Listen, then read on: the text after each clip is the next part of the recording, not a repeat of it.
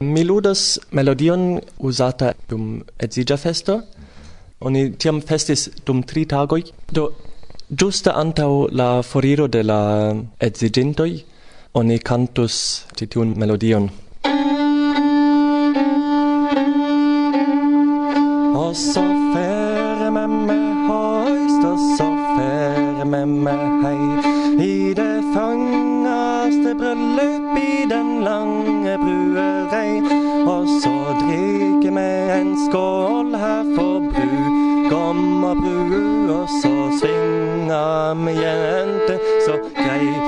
og så lett, og så drikke vi en skål. Her for brugom og brue, som for Gud og for menneske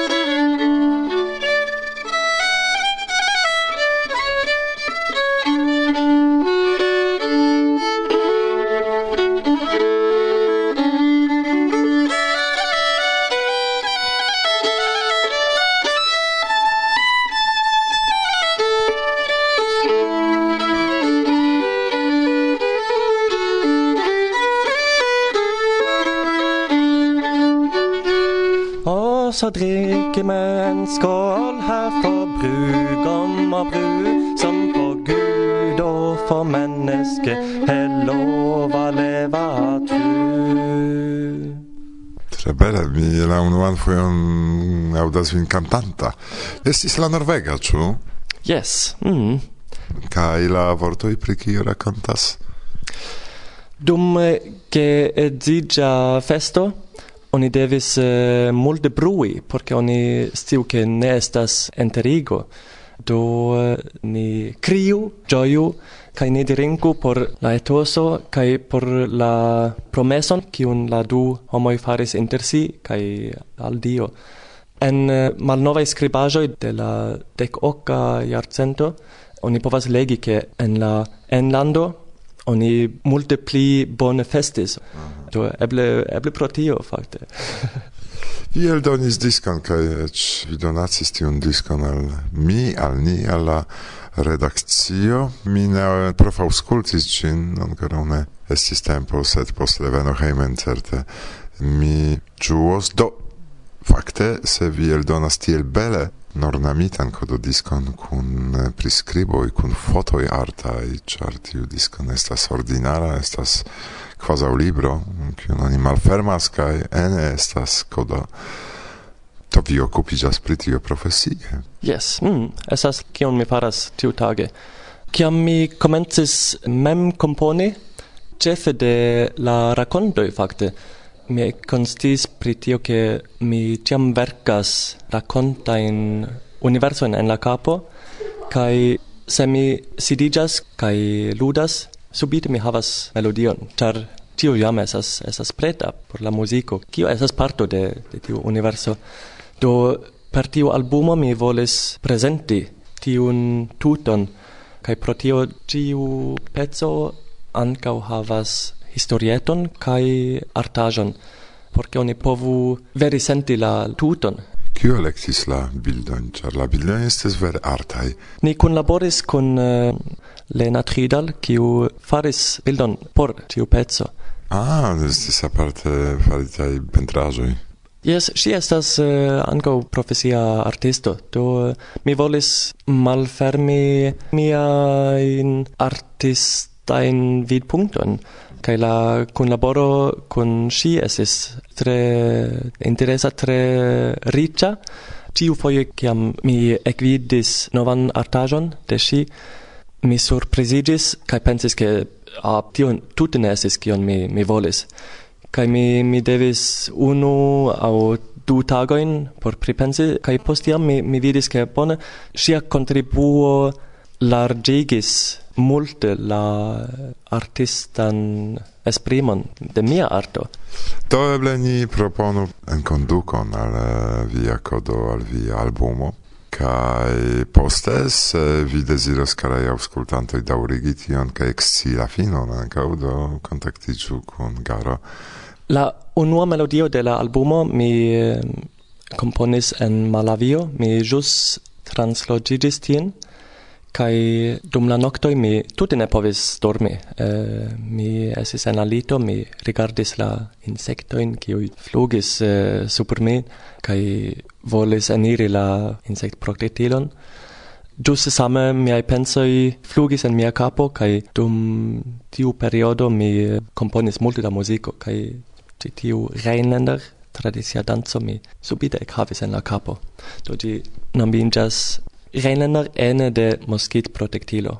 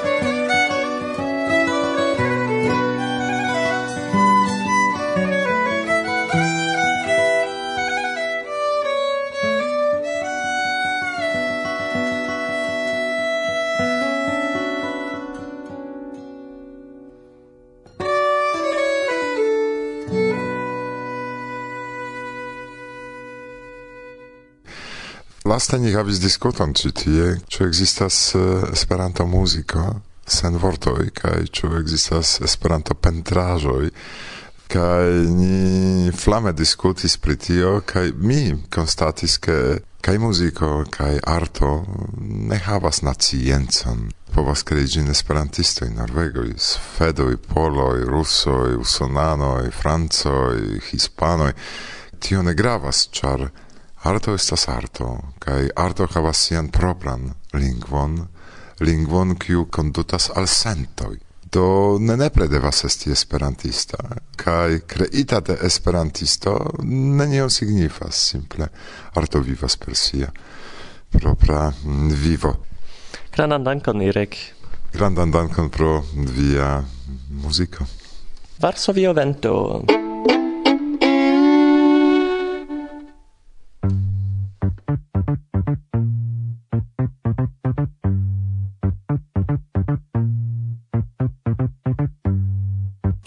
stellar Bildigia sur la retin Malpesas mia dormo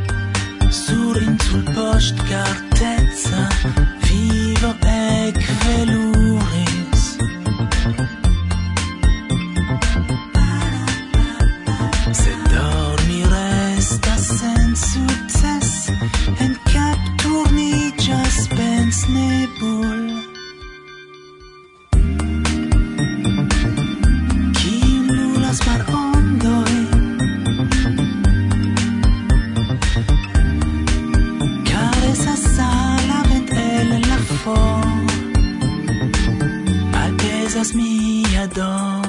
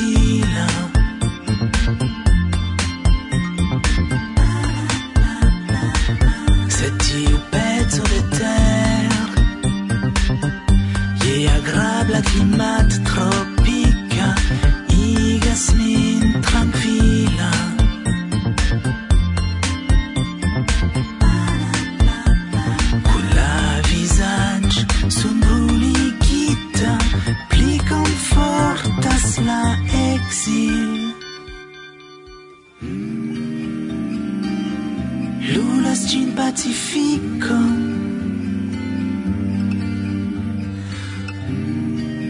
Caresas gin odor de vanil Sed malpese dormas mi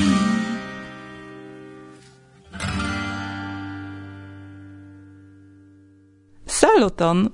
Mi estas Silvia kaj mi invitas vin al angulo de Livendek en la verco ne existas verdai steloi, eldonita de Mondial, kiu consistas el sesdec micronoveloi, cun supplementa novelo, pli longa, ien infano cae fisio. Sur muro de la corridoro pendis granda ceramica fisio. Gia corpo construita el plurai pezzoi estis tiel arrangita che la fiscio nagis tui ciam aerblovo riveris. Ciutage la infano rigardis gin, longe, quelc foie dum horoi, cun large malfermitai oculoi fixitai sur la brilai squamoi, la rigidai nagiloi, la vosto, cae tiu granda oculo, ciu silente spionis la movoin, de la tuta familio. Iarum post iaro, la infano crescis obsedita de la ceramica fisio. Gi malgagias, li diris al sia patrino. Sed, anstatau respondi, la patrino ridetis au caresis la capon de sia cortuscita filo. Tagon, la infano prenis decidon. Ni decrocis la fishon, che portis gin alla haveno. Tie, cum facila coro, la infano getis la fishon in la maron, che gi libere nagiu. Largia, tre largia rideto, gaiigis la visagion de la infano, ciam, liberigita, la fiscio rapide sercis la profundon.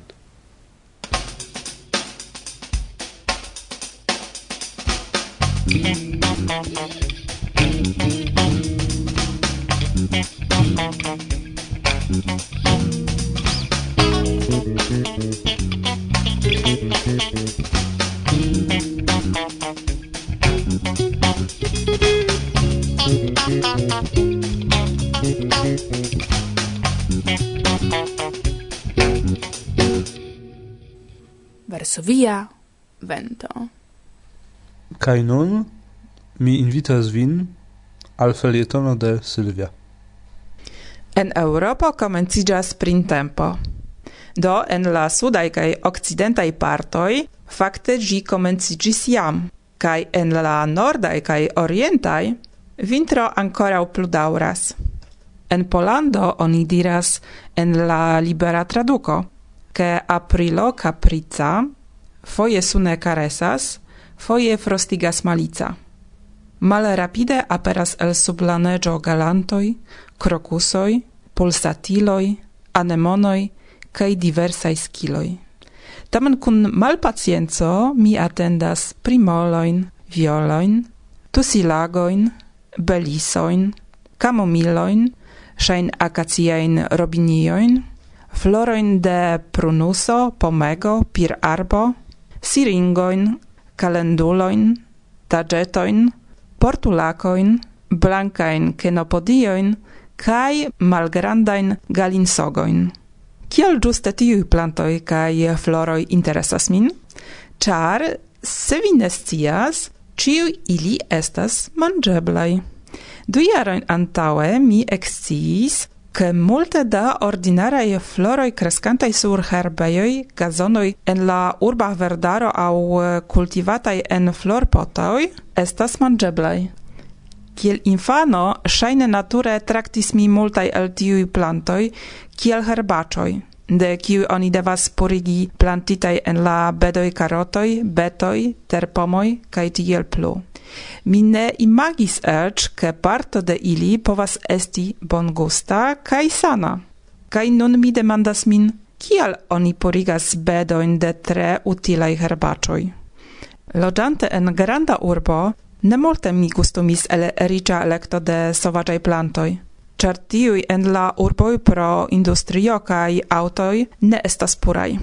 Fakte observantoj min geamikoj ofte opiniis, ke manĝante ion ajn pro malatento simple mi povos morti. Sed el mia vidpunkto estas amuze observi ilin, kiam ili pensas, ke mi ne scias kion mi manĝas. Kompreneble mi excitigas gustumi ion nekonatan, novan, kaj tut certe mi ne volas malsanigi, havi stomac doloran au fini mian vivon. Tiel stulta mi ne estas. Exemple, en multe costai restauracioi, por pladoi cun floroi, oni devas elspezi suffice multe. Kial do mi pagu se ja mi povas ion similan au ec pli bonan mem prepari? Sufiĉas nur orientiĝi, de kie oni povas havi ne malpurigitajn plantojn senpage au kontraŭ agrabla rideto necessas ancau evolui en tiu scio por exci ion pli pri plantoi ol nur coni iliajn nomoin. Eble iu el inter vi estas botanikisto, sed mi ne. Nek mi studis tion, nek pli frue vere mi interesigis pri crescajoi. Kiel mi menciis, mia pasio pri la floroi kaj plantoi mangeblai estas nelonga. Per tio do, Ec kun plezuro mi aligis al projekto de IREK labori ce listo de plantoj en Esperanto. Unue dank al tio mi komencas ekkoni multajn nomojn de plantoj ec en mia gepatra lingvo. Due, speciale mi turnas atenton pri plantoj kaj floroj kiuj estas manĝeblaj. Eble ankaŭ tio vin interesas. Se jes, Contactigiu. Volonte mi reagos al ciui, ciui interesigas pri tiu temo.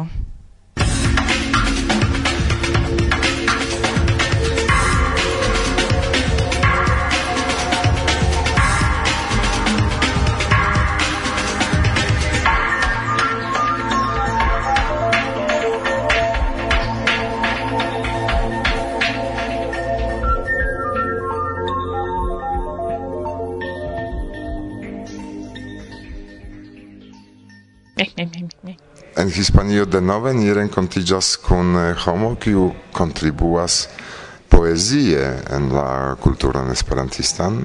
Saluto, mi estas Ángel Arquillos López, mi estas la presidente de Andalucía Esperanto Unuillo. Andalusia do Malaga, ĉu? Malaga estas la, la centro de antaŭ pli ol tridek jaroj jam. Mi audis ke en Malago estis unu el la plej komencaj kluboj eh, sepa aŭ oka klubo generale en la mondo, ĉu ne? Ĉu vi konas iomete la historion? Mi scias che tiu signoro, el signoro Huertas, nomigis, verkis la unua gramatiko de Esperanto en Hispanio. Li jam forpasis, kompreneble. Li unue lernis la Volapuk. Kaj poste vidis ke la Esperanto estas pli facila, kaj lernis tre rapide kaj verkis la unua gramatikon de Esperanto en, en la hispana lingvo. Ĉu vi havas ejon kie vi renkontiĝas? Ni renkontiĝas en ejo de publika lernejo. Ni ne havas propran en Sevilo jes, ili havas propran ejon, ĉar estas multaj homoj kaj unu el ili jabalala ellos. Esta facile por ni char anca o estas eh, samiriano que estas profesoros de la universitato que hay ni jabas la ocaso consili en salón de universitato de tiempo al tiempo. Por prepari mm, congreso eh, exemple ni considas tie eh. eh, la homo de Malago normale en java sufiĉe da mono por pagi la sumo ĉiumonate jen la problemo Angel, uh, ni estas dum la hispana kongreso kiel ĝi plaĉas al vi? Eh, mi, mi tre, tre placas, ĉar estas bone organizita kun homoj kiuj ne havas sperto, sed kun la kunlaboro de multaj esperantistoj de Hispanio, kiel vi povas konstati, la kongreso estas su, sukcesa. Ne tiel sukcesa kiel la antaŭa, sed tre, tre bona. to mi pensas ke ne tiel sukcesa kiel antaŭa, ĉar antaŭa havis kvin tagojn kongresajn kaj oni povis pli longe fakte ĝui la kongresan estason kaj ĉi tie estis kongreso semajnfina, do homoj alvenis partoprenis programon kaj ĵus antaŭ momento buso forveturis kun ili, ĉar multaj rapidis hejmen. Jes, por tio la afero ne estas tiel bona kiel ni atendis, ĉar multaj homoj ne tro interesiĝas tiel okazis. Vi verkas poemojn, ĉu? Yes, mi verkas poemojn kaj por la venonta kongreso de Andalusio mi presento la trian volumo en Esperanto de poemoj. Mi comportas ĉi tie kelkajn, se vi volas aŭskulti, estas tute novaj. Mi verkas poemoj de kiam mi komencis lerni Esperanto en la jaro 1979. Ada Sirkoska legis miajn poemo kaj gratulis mi kiel vi kapablas verki tiajn poemo se vi studi Esperanto antaŭ tri monatoj. Eh, tio ne sufiĉas kaj si tremiris, bedaŭrinde si forpasis. Do prezentu kelkajn novajn poemojn, kaj ni, ni malkovrujas. La, la, du unuaj eh, volumoj estis tre simplaj. La tria estas pli ambicia. Mi montros al vi, ĉar mi volas legi almenaŭ du aŭ tri poemoj. La uno poemo de, de la libro titolillas al mia filineto. Vi ja forpasis, kaj mi cum peno trapasis la barrieron del tempo. Mi triste ploras, ĉar via corpo sub blanca stono riposas. Audas mi kiel la morto furoras, kaj ekde nun mi tre solas, kaj sur la grunda tombejo, kie regas nur mistero, mi vin memoras, cae per senlimai larmetoi mi malsequigas la teron, cie bulgionai explora. Cortuso. La lia poemo en la dua, Felicio. Alvenis la Felicio, tre malfrue, char la malgioio estis rapida, cae mia coro restis confusita inter margaiai pensoi absorbita alia poemo estas anim cuncido, con arroganta mieno trairas la estinta viv, sur aleui de tombeio, gi promenas in silento sed cun contento cae gallo char partoprenos evento Super la plasta giardeno flugas amaso d'animoi cun necredebla sereno. Ili contemplas la tomboin, ties floroi cae ornamoin sur la riposantai corpoi, cum mieno arroganta la estint core salutas la animo in alvenanta in pro ia cutima cum veno che ciam regas pazzo odia u regas bruego char alvenis nova membro por pli grandigi la rondon en cio spirita i regnoi Kial vi decidis verki poemojn? Mi ne cias che mi c'è esti la dimancia lerneio, oni diras tiel, mi pensas che la hispana esta escuela dominical. Cai tie la eh, infanoi declami poemoi, cai iam mi ne cias se mi estis ses jara, mi curagis verki poemon, kai homoj diri oh tre tre bone de tiam mi mi, mi ja comecis deklami kaj kaj skribis poemoj sen serioze jam mi jam maturigis. Tiuj poemoj aperis broŝurforme aŭ libroforme. Libroforme Ĉu ili non povas trovi en libroservo de UA ekzemple? La unua volumo jes, la dua ne sendis, la unua vi povas trovi en libroservo. Ĉar mi ne sendis la alia, se, se mi sendos, kompreneble ili akceptas. Do uh, mi pensas ke tiuj poemoj, kiujn ni vidas, trarigardas ĉi tie, uh, Estos anca publicotai. Yes, yes, anca povas esti. Eh, bone, mi publicigas per interreto, kai homoj satas miajn poemojn. Unue mi pruvas ĉu ili satas, en ili ne satas, mi ne elektas ilin por la libro, kompreneble. Kion oni povas ilin trovi en la reto? En mia Facebook paĝo aŭ profilo, kiel oni diras, kaj tie vi povas legi ilin. Do, care auscultantoi, se vi desiras eh, legi poemoin de Ahel, tiam uh, rigardu prescribon de la elsendo. Kaj tiu poemo pri kio estas? Antaŭ la spegulo? Prescau cioi miai poemoi estas iomete tristai, a mi malgioias, mi rapide vercas ion, kai mi gioias, mi forgesas. Anta la spegulo staras mi cun ege granda plendo, pro mia visaggio plena cae de faltoi cae malvelo. Mia spegulo reflectas tristan realan sinteno cun la visaggio malgaia cae cun sovita glavelo. Mian karegan spegulon mi nun cubras per curteno nigra kiel la malĝojo por forigi mian revon. Kio estas tio? Estas pentraĵo? Es, tio, tio estas mi, Kio pentris? rigardante spegulo. Estas, estas stranga foto, estas, estas temas pri mi. Tamen kelkaj aliajn poemojn ni prezentos dum pluraj elsendoj kaj vi ankoraŭ aŭdos vocon de eh, Angel mm, kaj do vi rajtas saluti viajn geamikojn kaj diri ion al aŭskultantoj de la tuta mondo. Horan dankon pro tio momento, mi esperas que la homoj komprenos mian pensmaniero kaj satos miajn poemojn. Gis la revido, gis baldaŭ.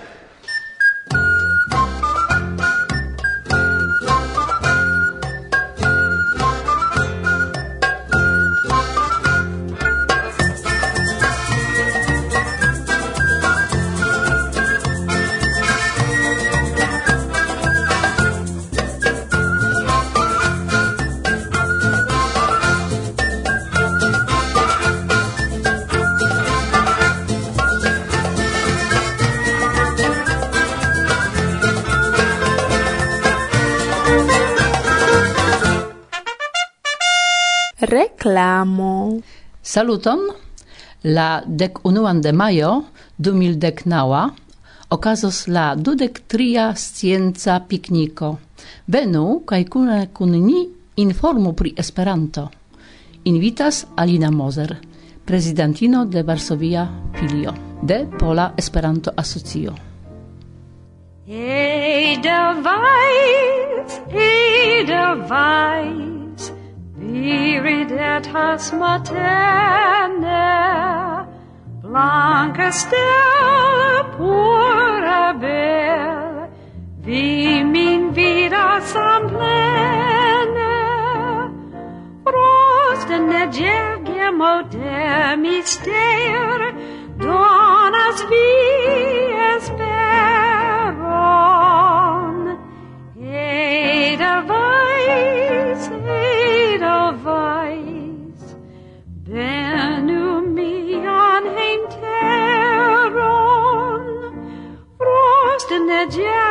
der mister donas vi esperon.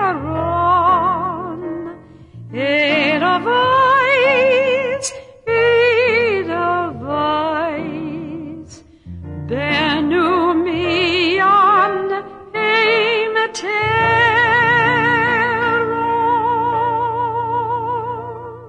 Varsovia vento